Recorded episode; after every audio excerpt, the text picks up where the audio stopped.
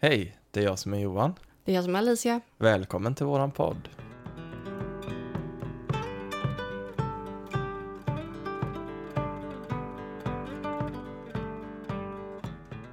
Du Johan, i det här avsnittet så tänkte vi ju att du skulle få berätta lite om din historia. För du har ju varit lite frånvarande för ett tag sedan nu. Ehm, varit sjukskriven också. Och vi tänkte det är dags för dig att berätta. Precis, och vi har ju fått in en hel del eh, andra som har kontaktat oss när det gäller just det som hände i mitt fall, att säga upp kontakten med en familjemedlem. Mm. Så jag tänker att det kan nog hjälpa väldigt många just att man pratar om det här och kan dela med sig av det. Ja, vi har pratat om det här avsnittet ett bra tag nu. Mm. Och sen när jag frågade dig idag så kände du att ja, nu, nu är jag redo liksom. Men det har tagit väldigt lång tid att eh, bli redo för det. Att, eh, Man måste ju processa det själv. Det tar väldigt lång tid att processa det, så är det. Mm. Ja. Men eh, som sagt, eh, det hela började kanske för snart ett år sedan Mm. då jag tog beslutet att eh, säga upp kontakten med min pappa. Och eh, det är ju någonting som man inte vill göra in i det sista. Man har ju provat allt möjligt för att få det att funka. Ja. Och sen eh, kände jag väl någonstans att det var bara det enda alternativet kvar för att jag skulle kunna må så bra som möjligt. Ja. Men det, det är ju just det, att ta det där steget, då tror man ju att man kommer må sämre. För det gör man ju i början. Ja, de första veckorna där så vart du ju sjukskriven. Mm. Och det vart ju väldigt, eh, väldigt mycket känslor i dig. Det blir ju som en livskris. Det blir det ju, En- absolut. Ja, jag tror det blev en depression också. Ja. Ja. ja, för du fick ju antidepp ett tag. Mm. Precis, men eh, nu har det ju snart gått ett år och det har liksom, de här känslorna har hunnit liksom landa lite. Mogna, tänker jag. Mogna. Ja. Precis.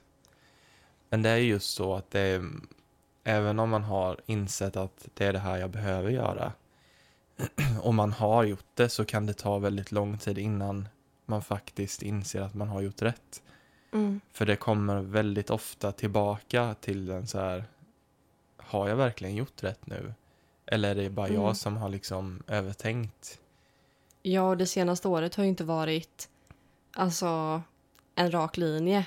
Nej, det har det inte Uppåt. varit. Utan det har ju varit eh, stora toppar och stora dalar Mm, för dig. mm. Ehm, men jag tänker, vill du berätta först om hur det har varit att växa upp? Mm, det kan jag göra. Det var ju, vad jag minns, så var det väldigt mycket konflikter hemma. Mm. Och eh, någonstans så visste jag väl alltid att eh, min pappa var den som var lite spindeln i nätet. Ja, Han var, hade liksom alltid någonting med i de här bråken att göra. Och, även eh, om det var mellan eh, andra familjemedlemmar. Mm, Mm. Exakt. Ja, kanske inte alltid, men oftast. Ja. Och eh, för, alltså när man växer upp med så mycket bråk och konflikter, det var ju nästan standard varje dag. ehm, då tror man ju på något sätt som barn att det här är ju normalt. Att så här har ju alla det. För när man är hemma hos eh, kompisar så vet man ju att men då bråkar ju inte föräldrarna eh, framför andra så. Så man Mm. tänker att de håller sig. Och så var det ju också när jag hade kompisar hemma. Då, då höll ju sig mina föräldrar i skinnet liksom. Ja. Även om man kunde se tendenser till lite gnabbande och så, så var det alltid liksom att man skulle hålla en fasad utåt. Mm. Men eh, det var ju just det att eh, växa upp med det här ständiga eh, bråkandet Mm. som satte sina spår väldigt mycket. För du, eh, vill du berätta hur du var som barn? Som barn så var jag ju väldigt sprallig, Mm. väldigt eh, energifull, Busig. busig. Ja. Ja. Så jag fick ju väldigt ofta höra i skolan och ja, från andra att jag behövde liksom på något sätt lugna ner mig. Mm. Och det här trodde jag ju verkligen inte på när vi träffades för att Och jag tänker ni som lyssnar som vet att jag är, jag är väldigt sprallig och busig. Ja. Och då kan man tänka att det har smittat av sig på dig. Men Mm. det har det ju inte för det kommer ju inifrån Mm. den här barnsliga glädjen och buset liksom. Mm. Men från väldigt tidigt så fick jag liksom lägga band på mig själv. Mm. Att eh, det var många som sa till mig hur jag skulle vara, hur jag skulle göra. Och att mitt sätt att vara var ett problem. Mm. eh, både hemma och i skolan. Och det ledde ju till att jag blev introvert. Alltså att jag vände alla mina känslor inåt. För att- du fick inte vara dig själv. Exakt. Mm. Och eh, jag vet att min bästa kompis och jag, eh, han var ju ungefär som jag då. Mm. Och eh, vi kanske hittade på lite dumma grejer när vi var små och så. Men vi, våra föräldrar gick ju samman och sa att vi fick förbud. Vi fick inte vara med varandra. Mm. Och det där är ju fruktansvärt. Mm. Man, när man har en bästa vän Mm. och man vet hur, jag tror alla vet när man var liten och hade en bästa vän hur viktig den personen var. Mm. Ja, han var jätteviktig för mig och Det är han ju fortfarande det, faktiskt. vi är fortfarande typ bästa kompisar. 30 år senare. Ja. Men det är just det att eh, jag tänker, det hade säkert gått att lösa. Att vi, om föräldrarna bara hade pratat med oss om vad det var vi gjorde som inte var så himla bra och hur vi kunde göra annorlunda. Deras lösning var att, eh, nej, de här är så, de hittar på så mycket bus ihop så att eh, de får inte ens vara med varandra. Mm. Och då, ja, då tappade jag ju min bästa vän. Eh, fick såklart vara med han i skolan, men det var ju, fick inte vara med han på fritiden. Då blev jag tvungen att leka med någon som jag inte ville vara med. Mm. Som mina föräldrar tyckte att det här skulle vara min bästa kompis liksom. Mm. Hur sjukt är inte det? Mm. Ah. Nej, och då... Jag blev nog mer och mer introvert under åren som gick. Och alla sa då, ja men vad lugn du är och vad snäll du är och så här. Men jag kände ju mig bara liksom instängd Mm. i mig själv.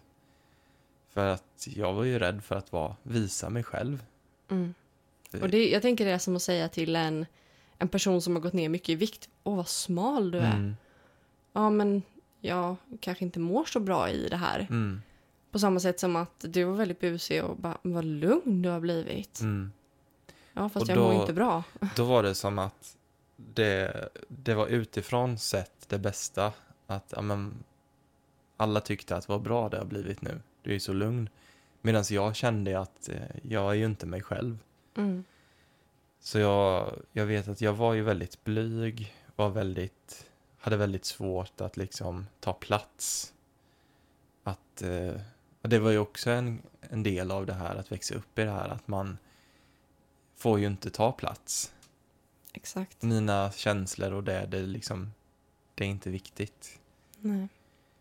Och det där bär man ju med sig hela vägen upp tills man blir vuxen. Mm. Jag vet att när jag gick ut gymnasiet, jag var ju fortfarande den här introverta, blyga killen som inte hade någon koll på vad känslor var. Mm. Eller hur man visar dem. Ja, jag tänker det om man är uppvuxen i ett hem där, ehm, där det har varit liksom mycket ilska, Mm. eh, mycket frustration och ehm, jobbiga känslor. Då, då är det klart man lär sig att trycka undan dem. Men Mm. också att man inte får riktigt vara glad. Nej, För att då är man också ett problem. exakt. Och eh, jag tror ett stort problem var att eh, jag lärde mig att inte vara mig själv. Utan jag lärde mig själv att jag måste vara på det här sättet för att undvika så mycket konflikter som möjligt.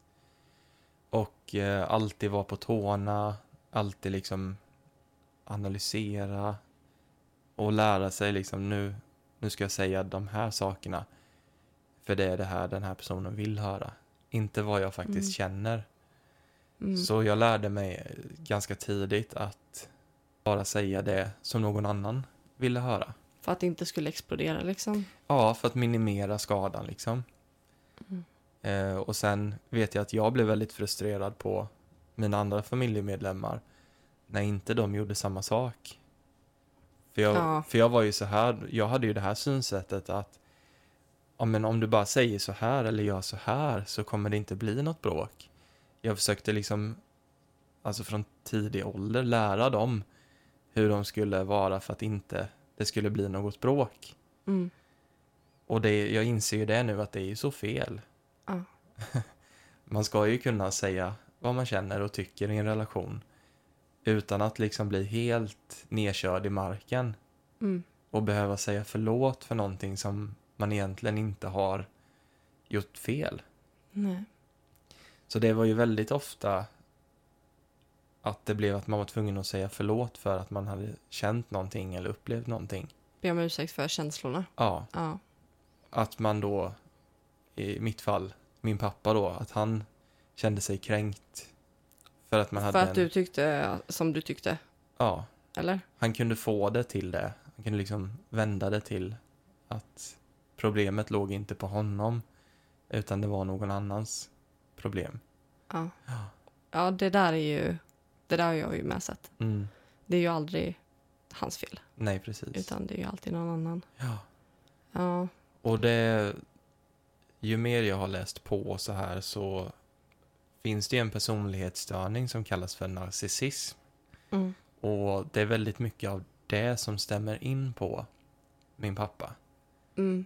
Och sen har ju inte han fått en klinisk diagnos. Nej, det har han inte fått. Men had- han hade ju aldrig sökt en diagnos heller. Nej, Så att, ja. Men det är väldigt tydliga tecken på det, ja. absolut. Och eh, det är ju just det att leva med en sån person. När man lever i det så ser man ju inte det här. Nej. Och skulle någon utomstående komma och påpeka det så skulle det, det bli lite som Stockholmssyndromet. Jag har själv varit där. Men ju mer som jag distanserade mig från det när jag flyttade hemifrån så insåg jag bara vad skönt det var att inte vara i det. Mm. Att jag kunde liksom vara mig själv, hitta mig själv. Och sen var det ju så här då såklart att man åkte hem dit på födelsedagar och... Men jag kände inget behov av att vara nära min familj. Mm. Det kan man annars tycka att eh, man vill ju vara med sin familj. Ja. Medan det var alltid så här, ah, varför hör du inte av dig? Eh, ja, jag vet inte, tänkte jag. Det, ja. Man kan ju inte liksom säga då, ja, men det är skönt att slippa er. Det blir kanske lite fel. Mm. Men eh, för jag tänker, för du har ju medlat väldigt mycket, Mm. eh, även som barn, väldigt liten. Mm. Fått stoppa bråk och eh, Ja. fått lugna ner situationer så att det inte ska eskalera totalt. Mm. Och det där har ju också följt med dig att du inte får visa känslorna och jag, som du sa innan där att ehm, att eh, det, det, du ska be om ursäkt för, Mm. för dina känslor. Alltid be om ursäkt och att det, det är klart att då slutar man ju känna för det var ju ett problem i början av vår relation Mm. att du hade väldigt svårt att visa känslor. Mm. Och jag har varit väldigt förvirrad av det. Ehm, vad, hur känner du kring just att visa känslor idag? Det är ju fortfarande en utmaning. För det är ju någonting som tar... Har du tryckt undan det ett helt liv, särskilt under uppväxten, Mm. så tar det ganska lång tid att hitta tillbaka till dels att kunna känna sina känslor, men det är ju bara en Mm. del. Sen är en annan del att kunna visa dem. Ja men exakt, och där tror jag faktiskt man måste göra skillnad. Mm. För att, att inte visa känslor det är en sak. Mm. Men att inte känna sina känslor, Mm. Det är en helt annan. Mm. Ja, man kan ju dölja dem för sig själv. Sen Mm. kan man ju dölja dem för någon annan. Ja. Men eh, jag tror det är en del i det här med att alltid behöva åsidosätta sig själv. Det blir viktigare liksom att alltid tänka på någon annan. Och det var ju den rollen jag fick i familjen som den här kloka eh, som alltid fick eh, ställa allting till rätta. Mm. Men det är ju ingenting som man ska behöva göra som ett litet barn liksom. Nej, för när eh, har det här, alltså just att du får lugna ner och så, Mm. har det varit så länge du kommer ihåg eller Mm. när började det liksom? Ja, men så länge jag kan minnas i alla fall. Från att man var, började liksom prata och var social, kanske fem, sex års ålder. Mm. Så har jag ju alltid varit den som har försökt att men stoppa bråken och gå emellan. Och man är ju väldigt liten. Väldigt liten. Mm. Sen eh, när vi träffades så var det ju också att du tyckte det var väldigt jobbigt att jag alltid ville vara dig till lags. Ja, Jag Det- sa, ja. jag sa alltid vad du ville höra. Jag hade inga egna åsikter om någonting. mm. Och det bottnade i sig i att jag var väldigt rädd för att det skulle bli en konflikt mellan oss. ja. Jag var ju livrädd för att eh, du skulle bli arg på mig Mm. över någonting. Och det har jag ju insett, alltså för kanske bara två år sedan, Mm. att det var så. Mm. Och att du faktiskt var rädd för att jag skulle bli arg. Mm. Och jag var ju... Det blev ju snarare tvärtom. Att jag blev ju arg för att du inte sa Mm. vad du tyckte och tänkte. Exakt. Och jag bara, men jag kan inte bestämma allt. Mm. Men då, alltså, då förstår man ju när man har varit ehm, så länge med en person som ska bestämma allt, Mm. att det blir ju fel. Det gör det. Och jag tänker så här med någon som betyder mycket för en. Då blir det också att man åsidosätter sig själv. Och eh, jag tar på mig liksom dina känslor. Mm, Dina känslor är mycket viktigare att vårda än mina egna. mm, Så man tappar bort sig själv lite i, i det hela, i relationer och så. ja. Och jag menar, det har ju effekter i, i kompisrelationer, på arbetsplatser. Man blir lite dörrmatta Ja, faktiskt. ja. Ja. Man är så himla van vid att det alltid är någon annan som ska få ta Stå i plats, centrum, stå i centrum. Mm, Och det är ju så det är att växa upp med en narcissist.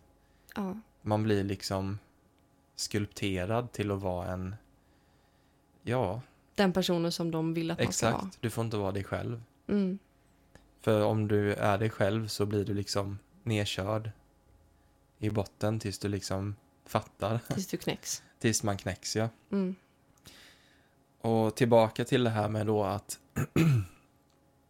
att leva ihop med en narcissist. Man blir så fruktansvärt nedbruten psykiskt och manipulerad länge. Så om man inte liksom tar sig därifrån så man accepterar den situationen man är i. Även om man då får någon utomstående som säger men älskar du den här personen? Är du nöjd med ert liv tillsammans? Har ni en fin relation? ja, ja, ja. ja, ja. Även om man svarar nej på de sakerna Ja. så intalar man sig själv att jag kan inte lämna. För Mm. det finns inget annat. Det är det man har Men blivit du- intalad. Ja, förlåt. Mm. Det är det man har blivit intalad från början. Att du är ingenting utan mig. Mm. Varken ekonomiskt eller som person. Du skulle inte klara dig utan mig. Du skulle inte ha några vänner. Det är ingen som Nej. skulle vilja vara med dig. Du skulle aldrig träffa en ny eh, partner. Ja, all, allt det här liksom. Mm. Så att man stannar ju kvar av rädsla för man tror på någon som har sagt till en att du är ingenting utan. De manipulerar en att bli beroende av en. Ja, Så är det ju. exakt det ordet, beroende. Mm. Och även om då jag flyttade hemifrån och jag distanserade mig automatiskt. Och jag fick liksom frågan väldigt ofta, men varför hör du inte av dig? Och jag kunde ju inte sätta fingret på varför det var så himla skönt att inte vara i det. Mm. För jag trodde ju att jag hade en fin uppväxt, att jag hade en... För det, Bra kom jag, det var det jag skulle säga innan. Ja. Eh, att när vi började prata om så här uppväxt och sånt. Mm, Och jag bara, men jag har gjort det här med min familj. Vad har du gjort med din familj? Och så här. mm, Som man gör i början av en relation. Mm. Man pratar om barndom, man pratar om livet. Ehm, och då kommer jag ihåg att du sa, nej men jag har haft en jättefin uppväxt. mm, Och sen så bara, okej men kan du inte berätta lite? Så här, hur var det när ni var på semester? mm, Och så började du berätta och jag bara, men eh, vad, ja, vad är det fina i det här? mm, Eh, men Johan, det är inte så det är inte så det ska vara. mm, Och att jag började ifrågasätta gjorde ju att du började förstå också att okej, det, det här är kanske inte normalt. Nej, och när jag började liksom inse hur du hade haft det på, alltså i din uppväxt och din, hur ni hade varit i er familj. Mm. Ni hade ju bråkat, givetvis. Absolut. Men det var ju Herregud, inte- jag och min mamma hade krig i två år. Ja, Alltså, men vi löste ju det. ja. Tonårsrebell liksom. Mm. Men det var ju inte just på det sättet att det Nej. var någon som alltid styrde och ställde och ville stå i centrum. För det är ju mycket en... eh, Ett narcissistiskt drag är ju att man hetsar personer mot varandra. Mm. Och det var det här vi började med att man är en del i alla bråk. Även Mm. om man inte är central i bråket Mm. så är det, har man hetsat personer Mm. mot varandra om man är eh, narcissist. Ja, en sak jag minns väldigt tydligt från min uppväxt, det var ju att eh, det var väldigt viktigt för min pappa att alltid ha någon med sig på sin sida. Ja. Så om han hade någon dispyt med min mamma så var det väldigt viktigt att eh, vi tyckte som honom. Ja. Och om vi tog mammas parti då fick ju vi skit för det. Även Mm. liksom Och då kommer väl offerkoftan på. Ja, ja. Då var det ju så synd om honom och alla, hela världen var emot honom.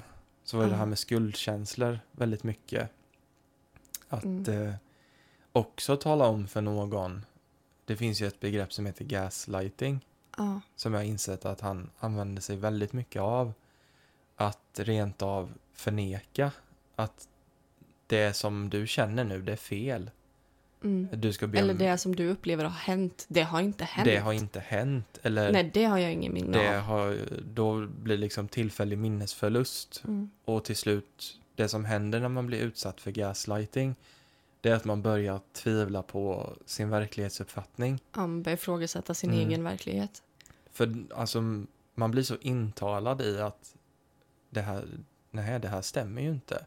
Mm. Jag har ju liksom helt fel om allting. Mm. Så det är ju en del i att bryta ner någon till, det är därför det blir så himla svårt att känna sina känslor. Man trycker ju undan dem Mm. så pass länge. Så man kommer ju inte i kontakt med dem. Och när man får en känsla så är man ju alltid så här, man tvivlar ju då, är detta på riktigt eller? Ja. Mm. Så det var väldigt så att det var ju liksom sällan att det bara var mellan två stycken. Utan att det var alltid att det skulle vara, man skulle ta parti Ja. och då skulle det vara rätt parti. Mm. Gud nådde den som inte tyckte som honom. Mm. Det är fruktansvärt. Mm. Och det är också en sak som jag kommer ihåg att när du började berätta de här sakerna. Jag satt och alltså storgrät verkligen. Alltså fulgrät. Och du kom inte en tår. Mm. Och det är också det här att dina känslor varit så undantryckta. Att det har blivit så stort. Um, dig och mig emellan. Mm. Ja, det är ju väldigt jobbigt att bli ifrågasatt då i en ny relation. Men känner du inga känslor alls? Liksom... Hur kan du då känna kärlek för mig? Exakt. Den hade jag väldigt Mm. länge. Ja, men det är klart att jag älskar dig. Ja, men du kan ju inte riktigt visa det då. Eller Nej. du, du känner ju att, du säger ju att du inte känner det. Mm. Och det var väl egentligen enda gången som du faktiskt reagerade var ju när jag bara, men du älskar ju inte mig då. Mm. Och vad ska vi vara tillsammans för? Mm. Och det var ju mer att då började du ju faktiskt gråta. Eh, Ja. ja. Men det blev så viktigt för mig på något sätt att visa att jag har faktiskt känslor. mm, Och på insidan. Men jag vet bara kanske inte alltid hur jag kan visa dem mm, utåt. Så det var ju en, en lång läkningsprocess. ja. Och jag tror inte att jag är där än. Nej, och det, jag tror inte man blir färdig Nej. någonsin. För det är alltid saker som kommer bubblar Mm. upp till ytan. Saker som man kanske inte Ja, tänkte var ett problem. Eller oj, jag har ju det här Ja. beteendet. Och det, nu inser jag att det beror Ja. ju på det här. och det var väldigt viktigt att vi började lägga det här pusslet. För du började ju tröttna på mig. För att du visste ju inte. Det var väldigt svårt att veta vad jag hade dig. Mm. Eller jag visste ju att du, du... För i och med att du var väldigt så här nej men det är du som är viktig Mm. och hela den biten. Då förstod jag ju ändå att okej, men det finns det, det finns någonting där, det finns kärlek där, men det kändes på fel sätt. Mm. Och nej, men det var väldigt viktigt för mig att jag skulle få veta vad du tyckte och tänkte och kände. Mm. Och jag pressade ju fram det liksom. Mm. För det, var, ja, det kanske inte var det bästa sättet heller. Mm. Men jag fick i alla fall fram det Mm. många gånger. Nej, men vi började ju sätta fingret på vad det var som var problemet. Och det var ju min uppväxt. Ja. Och ehm, Men bara det faktum att du inte förstod att det var din uppväxt utan att det klickade när vi började prata. mm, Och att det då... Alltså för det här är ju... Vi, I december har vi varit tillsammans i fem år. mm, Så att det här är ju inte... Alltså fem år är inte jättelänge egentligen. nej, det är det inte. Och jag lär ju mig någonting nytt om mig själv hela tiden. Mm. Och det tycker jag är väldigt fint att se. Mm. Jag måste bara säga det. Att Mm. jag är så jävla stolt över dig. Alltså det är helt sjukt att se alltså Johan ja, några månader in i vårt förhållande och Johan nu. Mm. Alltså du har åsikter hela tiden. Du berättar vad du tänker och du visar att du har känslor. Alltså det, Oftast. det ja, oftast. Det är fortfarande problem ibland Ja, det det. faktiskt. Mm. Och det, det är helt okej. Mm. För du tar det i din takt. Ja. Men det är, det är också stolt över att du tar det i din takt. Mm. Och det betyder jättemycket för mig att du försöker. Mm. Och jag tycker det är så viktigt för dig. Mm. Jag ser hur viktigt det är för dig. Mm. Och att jag tar ett steg tillbaka och lyssnar och eh, känner in vad du känner. Ja. För det är huvudsaken att man på något sätt visar att man vill förändra sig. Mm. Man vill läka. Och det var ju jättejobbigt för mig när du sa typ att du inte pallade längre. Och att eh, du typ gav mig ett ultimatum. Mm. Och jag visste inte hur jag skulle göra för att bli bättre på de här sakerna. Mm. Jag sa bara liksom att jag ville visa för dig att jag kunde. Att jag Mm. kunde bättra mig. Men jag visste inte då vad det bottnades i eller... Så det blev en jättestor konflikt inom mig själv. Mm. Att du kräver en viss sak av mig som jag Inte vet. inte vet hur jag ska göra. Jag förstår ju konceptet av att visa känslor. Mm. Jag vet bara inte hur jag ska koppla på det. Ja. Alltså, det blev jättefrustrerande. Och där var du ju faktiskt... Alltså i början där så var det väldigt mycket bråk kring det. Mm, Och jag var så här, men bara gör det. mm, Det är inte svårt. Och jag som alltid har varit en väldigt... En känslomänniska som alltid visar känslor. mm, även i mina ansiktsuttryck. Mm. Hela tiden väldigt teatraliskt.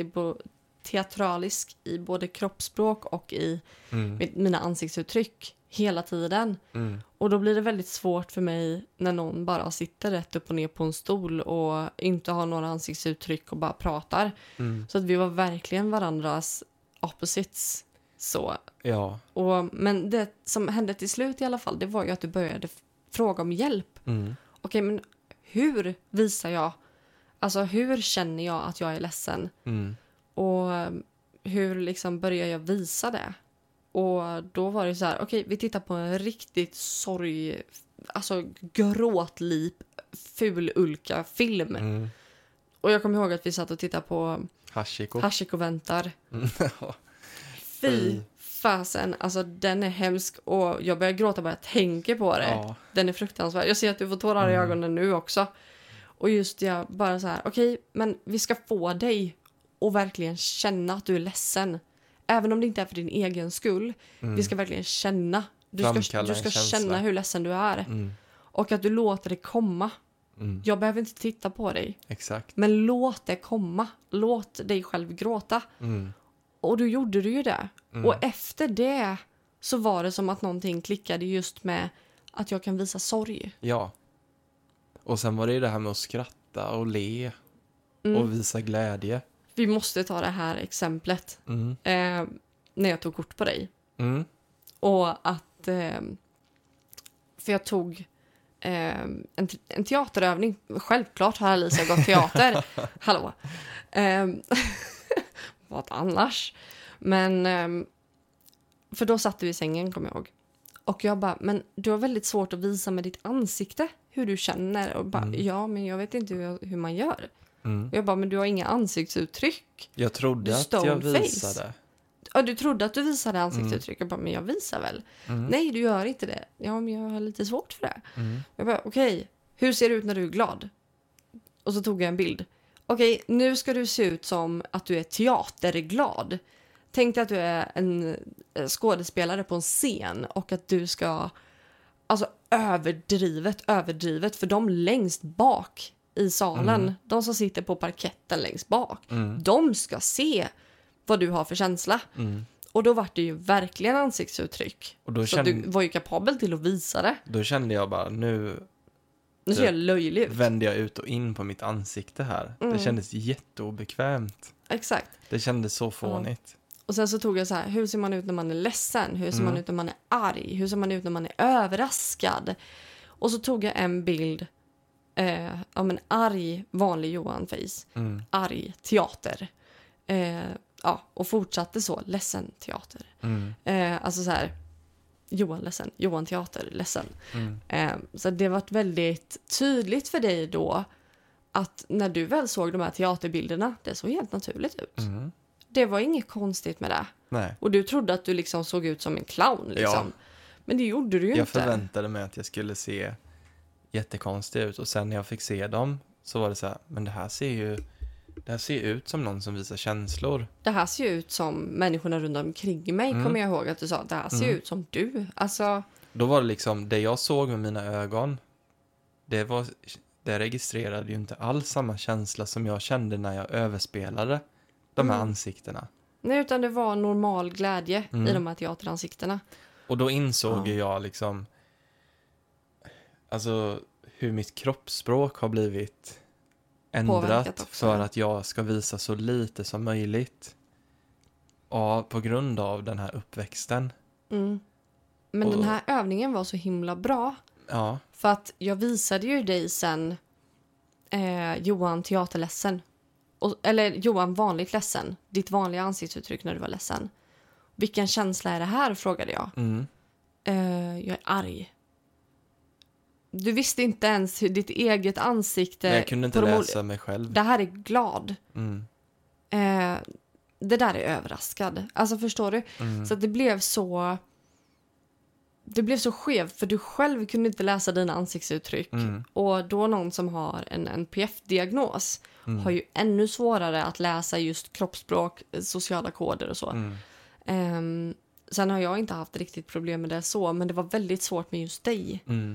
Eh, för att jag fattade inte alls vad du kände eller vad du tyckte eller vad du tänkte. Eller, alltså Lite det blev fel. Twilight med Edward och Bella. Ja. Han kan läsa alla andra utom henne. Ja, precis. Ja, men det var Ja. verkligen så. Verkligen. Mm. Mm. Nej, det var jätte... Det var väldigt speciellt. Men vad var det liksom som fick dig att... Nej, nu rinner det över, nu bryter jag kontakten. Ja, det, det var ju liksom inte en isolerad händelse som min pappa kan få det att framstå som. Ja. Eh, han vill ju gärna underspela det här och tycka att jag har överreagerat. Och Ja, det, eh, det har vi förstått. jag har försökt förklara då för honom att det är liksom inte en sak som ledde fram till det här utan det är egentligen hela, hela mitt liv. Mm. Och när jag då har sagt ifrån och sagt hur jag vill ha det så har det inte blivit bättre. Nej. Och jag kan inte gå in på alla händelser såklart men i det stora hela så bottnar det i sig att eh, min pappa känner ett väldigt stort behov av att ha makt och kontroll Mm. över alla i närheten. Ja. Och eh, när man försöker slå sig fri från det så då tappar ju han. Kontrollen. Ja, Och det är ju narcissistens Mm. mardröm att tappa kontroll. exakt. Och jag vill ju vara med någon genuint som jag känner att jag får någonting tillbaka av det här. Mm. Jag mår bra av den här relationen. Jag blir glad av att träffa den här människan. Medan i mitt fall så var det mer att när jag tog avstånd så fick jag alltid höra ja, du har inte hört av dig och jag, jag mår så dåligt över det och, och jag fick skuldkänslor då. hela Ja. tiden. Det var inte så här bara att, ja hej Johan, jag har saknat dig. Utan det var, Jag är så orolig för dig, ja, kommer jag, jag ihåg. ja det var alltid där, jag är orolig för dig, hur det ska gå om allting. Och jag bara tänkte, men det finns ingen anledning att vara orolig. Jag liksom lever mitt liv nu och jag har allt på det torra. Ja, men det var alltid också att han skulle ha insikt i våran ekonomi. Ja, och det är ju en annan sak som narcissister använder, det är ju att eh, ställa upp. Att Var få, snäll. Vara snäll och få Mm. någon att, mm, då har man en hållhake på den personen. Och det var ju att jag tog ju väldigt mycket hjälp just för att jag trodde att föräldrar, de ställer upp. Ja, och för att du trodde ju också att du inte klarade dig själv. Ja, nej men man, Mm. jag lånade mycket pengar när jag studerade. För jag Mm. klarade inte vissa månader det här glappet som uppstår mellan sommarjobbet och CSN till exempel. Och det byggde ju på en skuld. Och jag hade lånat en hel del pengar under min uppväxt och sådär med. Och jag fick ju alltid höra då att nej men det behöver du inte betala tillbaka. Alltså det är liksom ingen, ingen skuld så, utan det tar du när du, när du kan. Och sen helt plötsligt så var det verkligen, jaha, när ska du betala av det här då? Ja, inte så, men det, Det var, var ju, så. Jag insåg att det var ju snarare, det var ju bra, bra för honom om jag hade en Mm. stor skuld just för att, Det var en jättestor Mm. hållhake han hade på dig. och det var ju alla de här sakerna då som att han hade ställt upp och gjort saker för mig, Ja, som att köpa en bil och ja, hjälpa mig med att flytta och allt möjligt. ja. Då tänker man att det gör man väl för sina barn utan att kräva någonting tillbaka. Det har mina föräldrar gjort för mig. Och så var det ju inte, utan jag insåg att ja, men, då är jag liksom skyldig att eh, visa tacksamhet och varje gång jag gör någonting som inte är så bra, då kommer det här upp och jag har alltid ställt upp för dig och tänkt Som på... inte, det ska också, som inte är så bra enligt honom. Mm, exakt.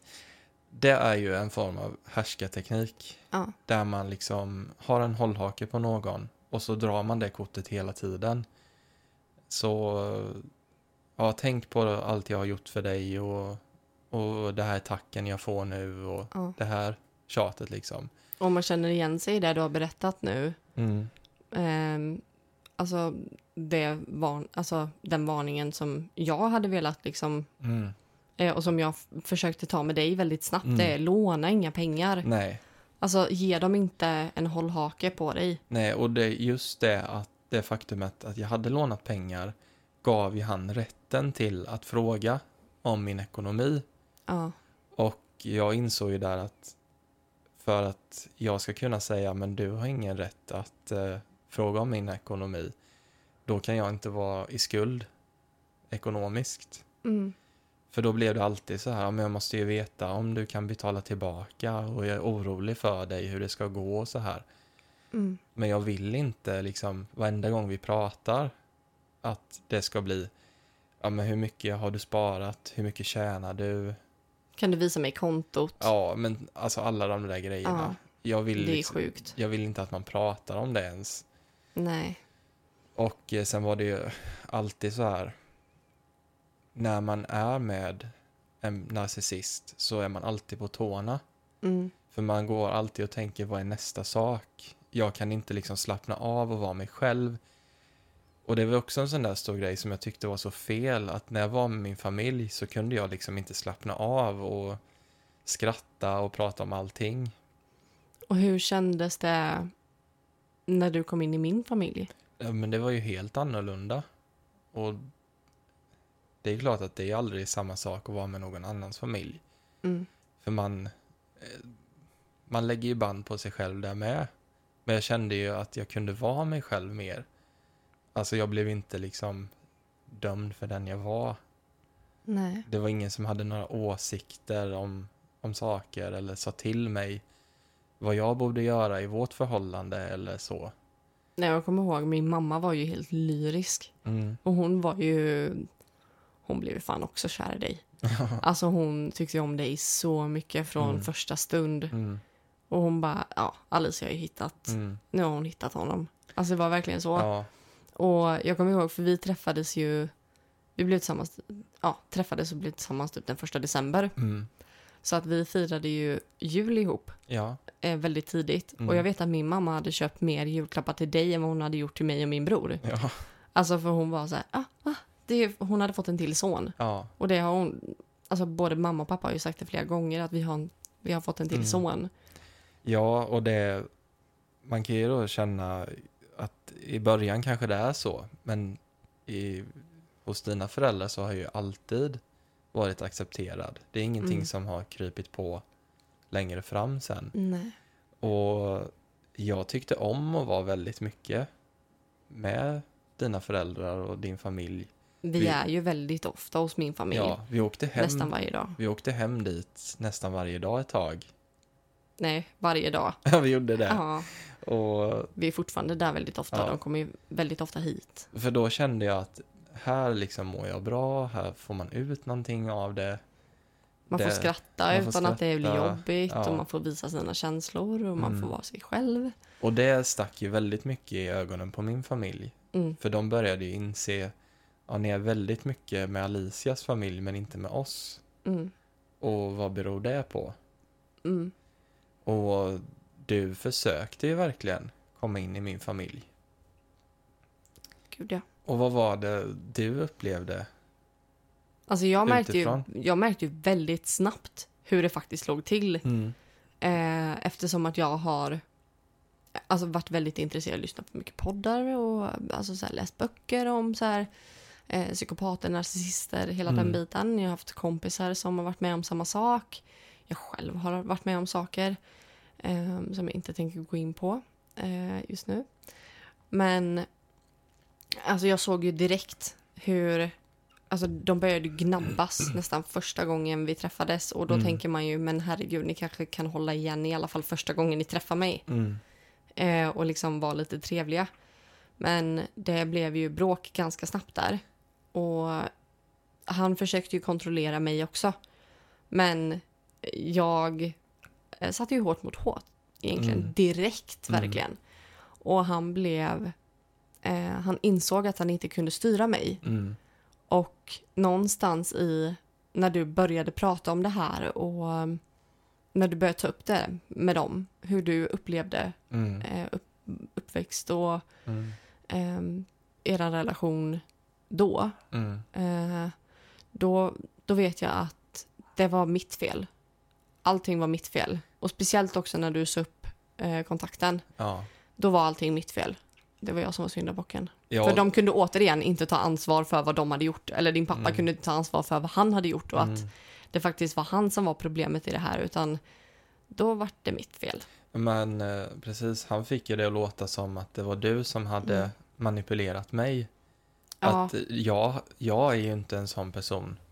då var det helt plötsligt jag som var Ja. psykopat. Eller, ja men jag är ju inte en sån person som säger upp kontakten och det gör vi inte i vår familj och allt det här. Och det här måste ju vara Alicia som har liksom, som inte tycker om mig, som har fått dig Mm. liksom och, och tvingat dig till det här. Ja, hon tycker inte om mig. Jag har Istället, förstått att hon har svårt för mig. ja, istället då för att faktiskt lyssna på, men vad är det du känner? Och vad är det jag kan göra för att bättra det här? Så var det alltid Ja. att lägga skulden på någon annan Mm, och inte ta ansvar. Och det blir väldigt frustrerande för mig när, dels för att du fick skulden, mm, men för att återigen, det jag sa, det spelade ju ingen roll. nej. För att då försökte ju han få det till att nej, det kan inte du känna. Du är inte sån. Exakt. Då försökte han tala om för mig hur jag skulle vara. Mm, Jag minns väldigt tidigt i vårt förhållande så var det ett tillfälle där när han passade på när inte jag var hemma ja, och började prata om, jag vet inte vad det var, ekonomi. utbildning och ekonomi, Ja. vad du skulle göra och när han insåg att det inte fick fäste, då blev ju han också arg när jag tog ditt parti. Men jag sa ju rätt ut till honom att du har faktiskt ingenting att göra med min ekonomi. Mm. Och är Och ju- då blev han ju knäpptyst mm, och sen så blev han kränkt. mm. Eh, och sen så gick han och snackade skit. Och det är ju ingenting som han är van vid att få höra. Nej. Att eh, någon, eh, särskilt ung tjej, Det, det sved nog Mm. fruktansvärt mycket i... För det ska nämnas att din pappa är ganska gammal. mm, Eh, han är över 70 nu. Eh, Så att, att en ung tjej på ja, men 20 år kommer Mm. och säger till honom att han har ingenting att... Nej, han har fel Mm. och han har ingenting att säga till om. Mm. Då, då blev han riktigt Ja. sur. Och då var det ju det här med att eh, det här var ju bara han som ville väl. Ja. Och eh, det var du som eh, ställde till med intriger och allt Ja. möjligt och att jag skulle liksom vara på hans sida i det. Ja, Och det, det funkade ju inte. nej. Sen, För det jag egentligen hade gjort var... ja, Eh, jag förstår att du, att, du, att du tänker som du gör. mm, Men du har ingenting med det här att göra, mm, faktiskt. nej. Och det är inte upp till dig, utan jag gör det jag vill. Mm. Och sen eh, längre fram i, i vårt förhållande så switchade det ju till när han insåg att han inte kunde ha den approachen mot dig. Då vet jag att då var det så här, men nu känner jag inte igen min pappa här. Börja smöra. Då började han liksom lägga på charm Mm, och han försökte liksom komma in den vägen mm. på dig. Och då, då tänkte jag, ja men vad bra, han kanske har ändrat på sig nu. Han liksom är trevlig och tar inte upp de här negativa sakerna hela tiden. Och, Nej, och då låtsades han ju... Eller låtsades, låtsades han värderade ju min åsikt mm, helt plötsligt. ja, Från ingenstans. Då var det ju helt tvärtom. Då, var Ja. det ju, då höjde han ju dig till skyarna. Ja. Och då fick ju du också uppleva hur det kan vara. Mm. Och jag var så här, jag bara, det verkar som att din pappa är mer kär i mig än vad du är. Mm. Vad händer? Men erkänn då att du som är så bra på att känna igen manipulation Ja, jag så, bara, han är jättetrevlig. Men- ja men vad skönt, han har ändrat på sig. erkänn att du också ja. blev lite Nej, men lurad. jag blev också, ja, Ja. absolut. För det är så lätt för att falla för den här charmen. Mm. Och det är ju den sidan narcissister visar utåt. Mm. Och det är därför som den personen som berättar sanningen oftast blir misstrodd.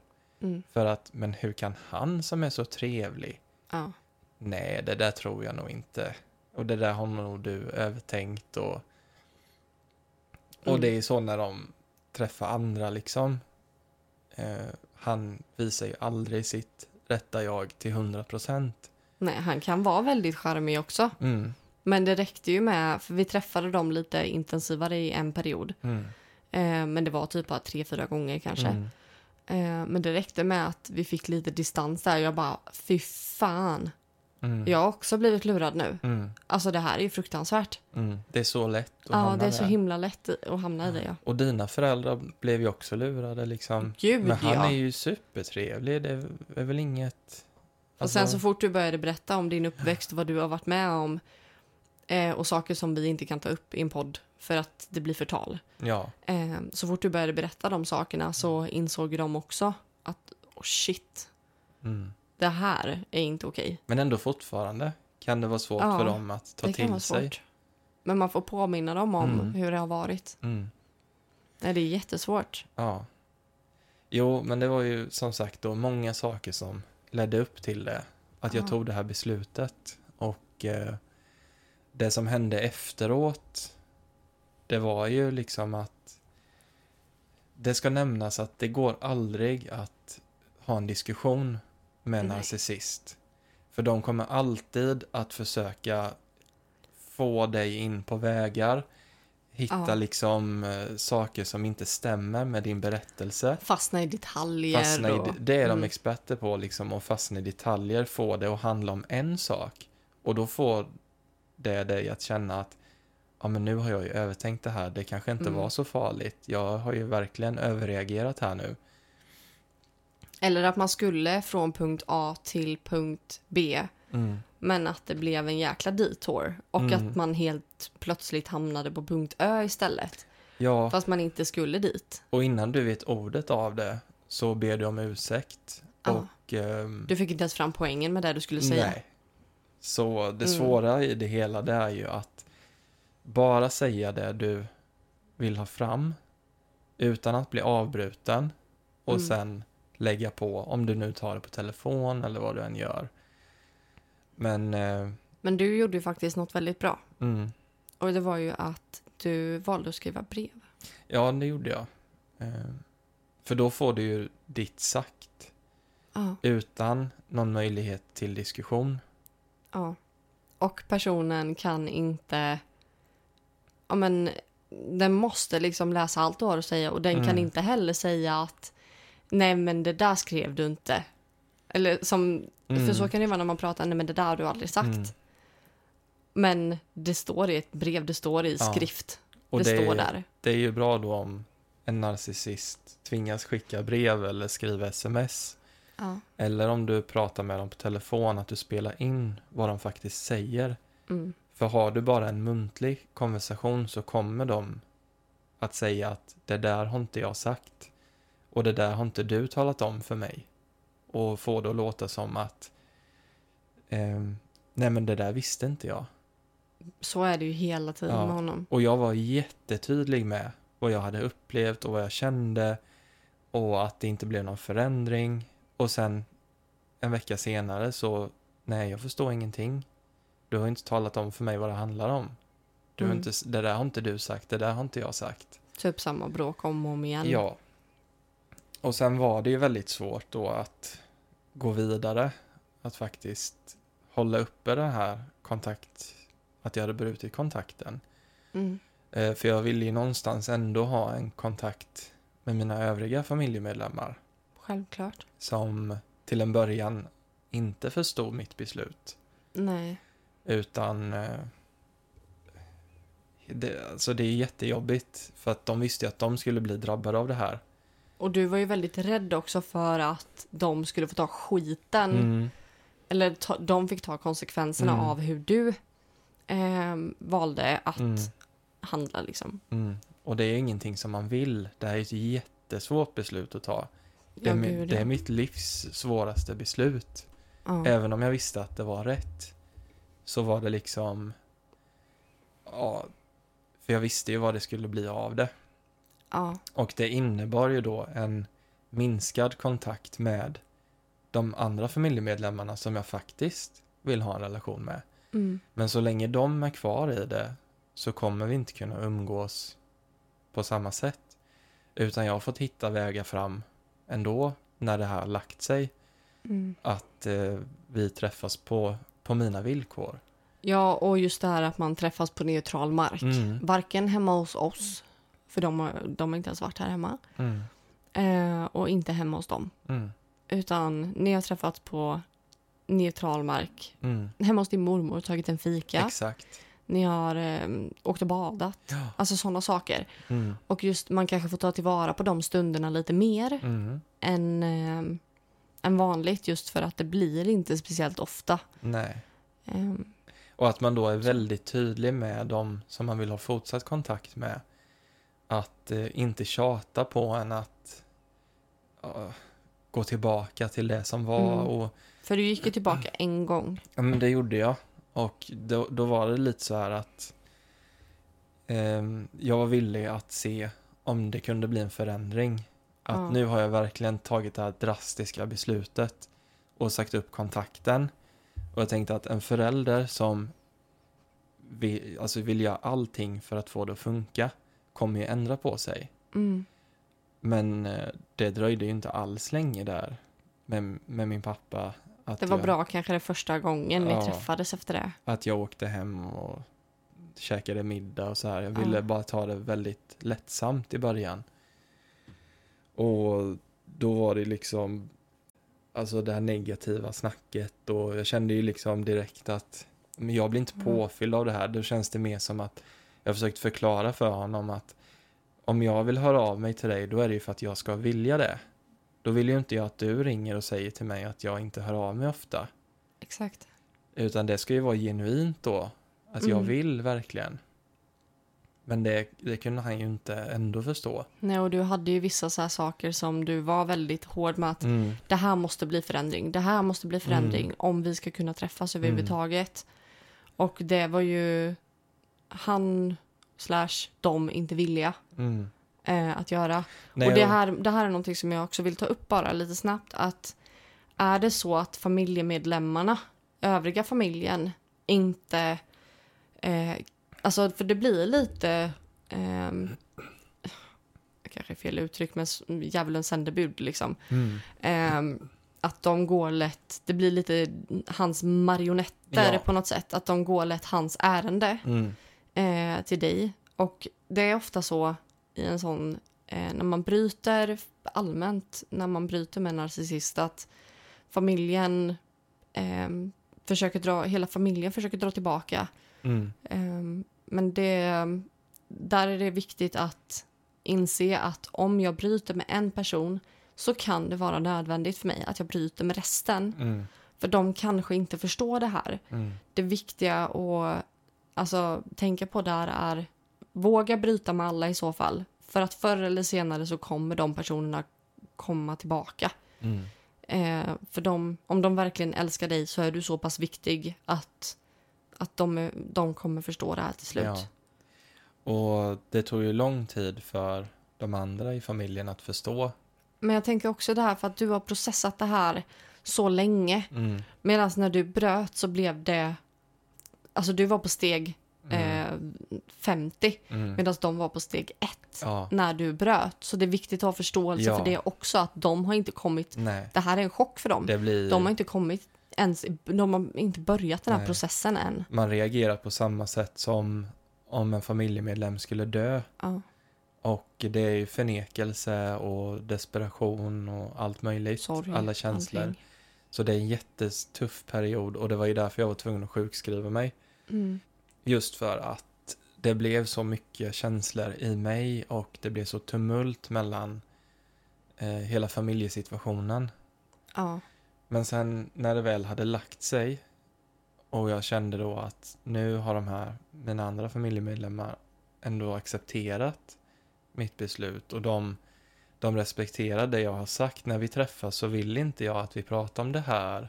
Vi tar inte upp det här utan det ska vara väldigt lättsamt. Vi ska liksom bara kunna ha det trevligt ihop. Mm. Och det var mitt enda krav på att få det att funka. Och eh, min pappa klarade ju inte av att hålla sig. Utan då, från ingenstans, så tar han ju upp allt det här igen. Mm. Och då förstår ju jag att de andra vill ju absolut inte att han ska sumpa det här. De har ju liksom accepterat det. De respekterar mig. Men han gör inte det. Så han är villig liksom att sänka hela skeppet. För då, då vet ju Ja. de att nu när han kliver över den här gränsen, då blir vi drabbade igen. Då kommer vi Ja. inte få träffa Johan lika mycket igen. Mm. Om ens alls. Om för det ens visste de ju inte. alls. Så då var det ju det här tugget om att eh, han förstod ingenting och det var nya saker. Han du ville, måste förklara för mig. han ville gå in i en diskussion och jag sa nej, jag har talat om för dig, jag vill inte ha den här diskussionen. Punkt. Hej då. Punkt. Och, Och så han- åkte du. Nej, men han gav sig inte. Mm. Och då, jag tyckte det var så fult att han liksom väntade på det in i det sista. Ja. Och att eh, han kunde bara inte släppa det. Han kunde Nej. inte hålla sig. Han var beredd att sumpa vår relation bara för att han kände att Jag måste få vinna. jag måste få vinna, jag måste Ja. ha rätt. Och jag kände där och då att nu är det liksom färdigt. Mm. Nu, nu vill inte jag ge det här fler chanser för jag vet ju att har det inte blivit bättre nu av att liksom jag har sagt upp kontakten en gång och det är så lätt för honom att bara sumpa det. Mm. Då finns det ju ingenting annat jag gör eller säger som kommer ändra på det. Nej. Det ska man också veta att man vill så jättegärna tro att man kan ändra på en narcissist. Särskilt när det är ens förälder. Man vill ju ha en förälder som bryr sig om en, som man själv älskar. Man vill ha en familjesituation där man kan träffas. Men det går inte. Du kan aldrig ändra på en narcissist. Och det är någonting som eh, inte bara du har sagt till mig utan Mm. andra jag känner som har växt upp under sådana förhållanden att Mm. jag vill ha en mamma eller pappa men inte min mamma eller pappa. Mm. Jag, jag, vill, jag saknar min pappa men inte min pappa. Ja. Och det är, det är jättesvårt. För vissa är det omöjligt att ens tänka tanken Mm. att man inte ska vara i sin familj för man accepterar mer än vad man gör med en kompis eller en partner. När det är familj så är det som att då gör man vad som helst. Man tar vilken skit som helst för att bara man ska hålla ihop liksom. Mm, för att blod är tjockare än vatten. Mm. Som jag brukar säga. Nej. Vätska som vätska. Mm. alltså, det Ja. spelar ingen roll. Men är man i den situationen så är det, det är jättetufft att Mm. ta det beslutet. Det är jätte, jättehemskt och Mm. att man ska behöva liksom ta det beslutet Mm. och det, det önskar jag inte på någon. Nej, och då Och, kommer... Men det är ännu värre. Det som är viktigt att komma ihåg är att det är värre att vara i relationen än att säga hej då. mm, Det är skittufft de, den första månaden, två månaderna innan man har Mm. kommit in i att inte eh, att, nej att inte prata med den här personen, att inte hela tiden behöva oroa sig för hur man ska bete sig. mm, Det är skitjobbigt. Så som jag uppfattat det och jag tyckte också att det var tufft. mm, Eh, sen är det ingenting i jämförelse med hur det var för dig. För jag försöker inte ta bort ifrån di- dina känslor alls. Men det, det är någonting av det hemskaste jag har sett. mm, Det du kände då. mm, Men efter det, alltså jag förstår inte. Det var så... Jag har aldrig sett Johan på det sättet. Liksom. Aldrig sett den Johan som var efter den här jobbiga perioden. mm. För att du var så...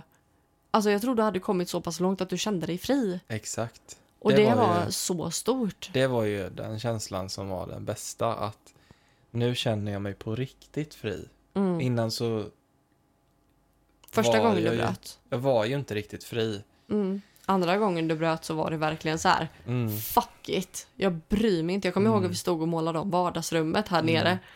Och bara... Alltså jag är så färdig med det här. Jag är så färdig Mm. med det här. Alltså nu känner jag... och det mig var ju fri. ändå april.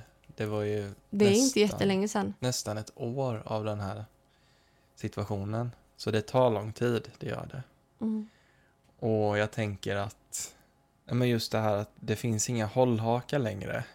Eh, Jag har betalat tillbaka alla skulder till exempel. Mm. Det var som en jättestor sten som släppte. För att det var ju också ett sånt steg som vi Mm. insåg var så fruktansvärt viktigt. Det var Att nödvändigt. du inte skulle ha några skulder. Mm, Och då, vi sålde ju bilen mm. och köpte en billigare bil. Ja. Man behöver inte ha den bästa bilen. Nej, Utan det går att ha en, en billig, bra bil. hellre det Vi har fan inte att, haft några problem med den bilen. än att stå i skuld till en person Exakt. som, som vill att du ska vara i skuld till den personen. Alltså det var när vi betalade det lånet. Mm, Alltså fy fan vad skönt det var. mm, Alltså då var, då var det verkligen så här. Ah, det är fan frihetskänsla. Mm. Det är så här det känns att vara fri. Och den reaktionen Ah, som min pappa fick Han av var det, så arg. det var ju desperation. Det var typ som att, men tänk er att det är en, eh, en navelsträng eller någonting som ger den personen näring. Ja. Det var som att skära av den. Mm. Jag tänker typ som Voldemort, det var som att döda en horrocrux typ. Exakt. Någonting som Ja. håller den personen vid liv. Exakt så. Ja, Ja. det var en ganska skön känsla. Och det kändes lite som att det var typ den sista horrocruxen. Mm, Alltså så här, det var verkligen... mm. För annars så har vi ingenting gemensamt. Utan det är ju liksom bara, vi har ju vårat. Ja.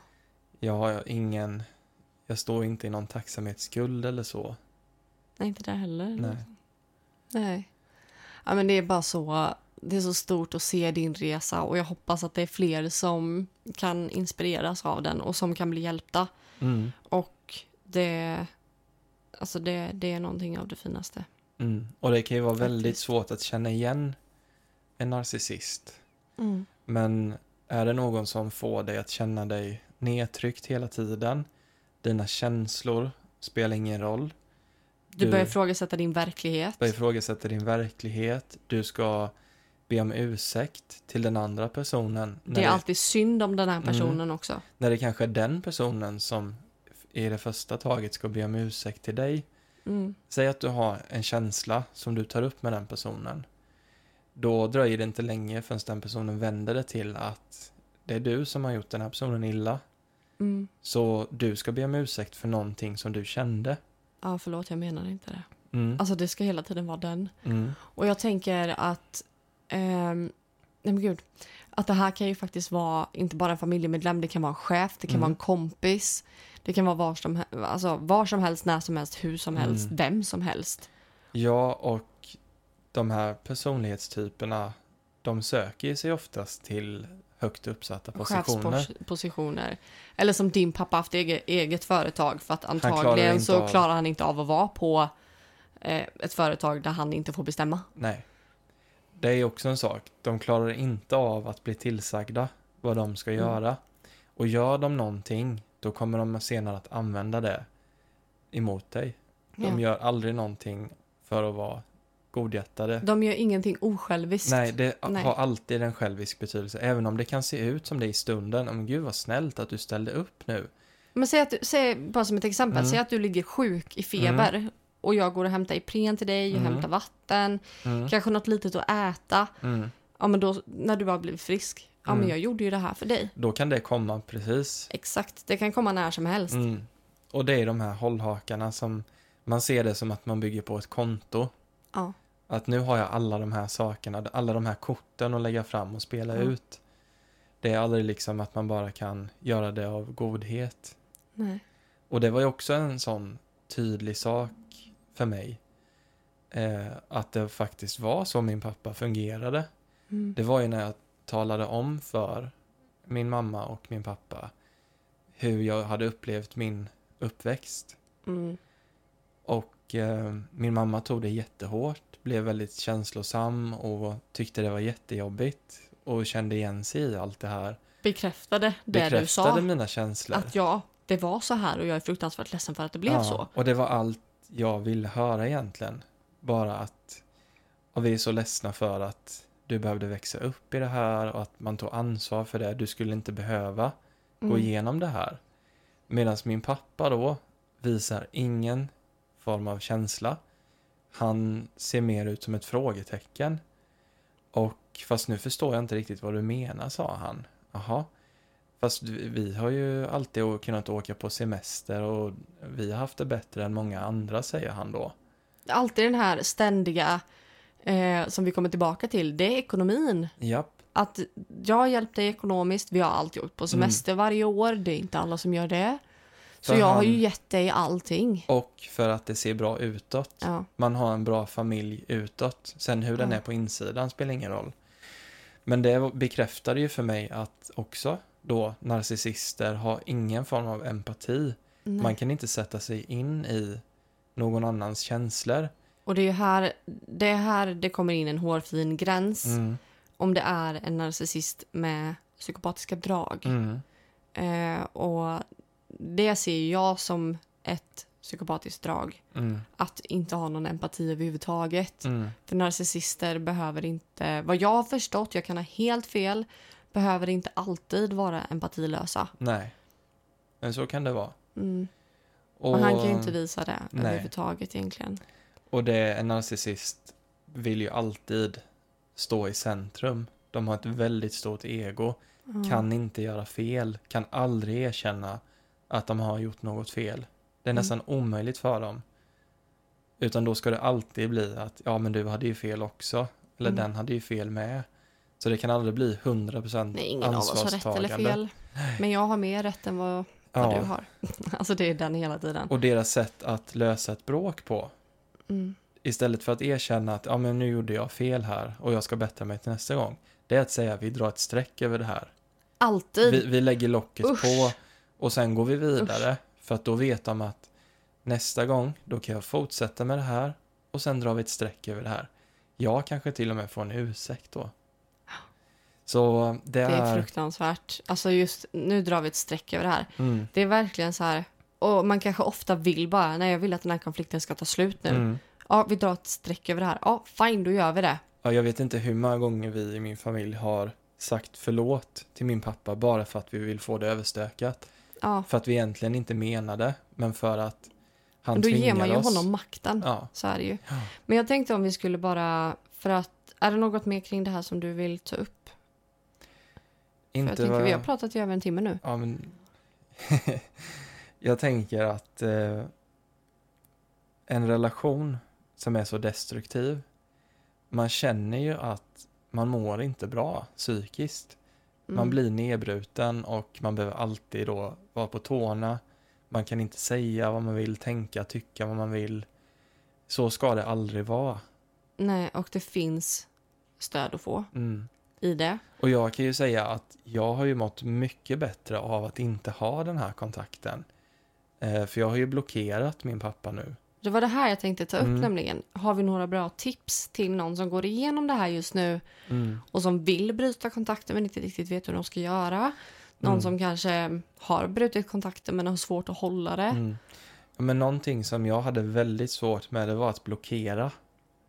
För jag ville ändå Mm. på något sätt ha lite alltså koll, typ om man skulle skriva någonting så här. För att få det bekräftat lite, hur, hur tänker han kring det här? Och om jag blockerar nu så kanske jag får en ursäkt som inte kommer fram. Alltså lite så var det. Ja. Jag lämnade dörren lite öppen. Mm. Men sen andra gången när jag bröt, när jag blev så färdig, då kände jag bara att det finns ingenting som han kan säga eller göra här nu för att ändra på mig. Mm. Utan det är i så fall jag. Om det nu skulle vara så att jag vill ta upp kontakten igen, då är det jag som hör av mig.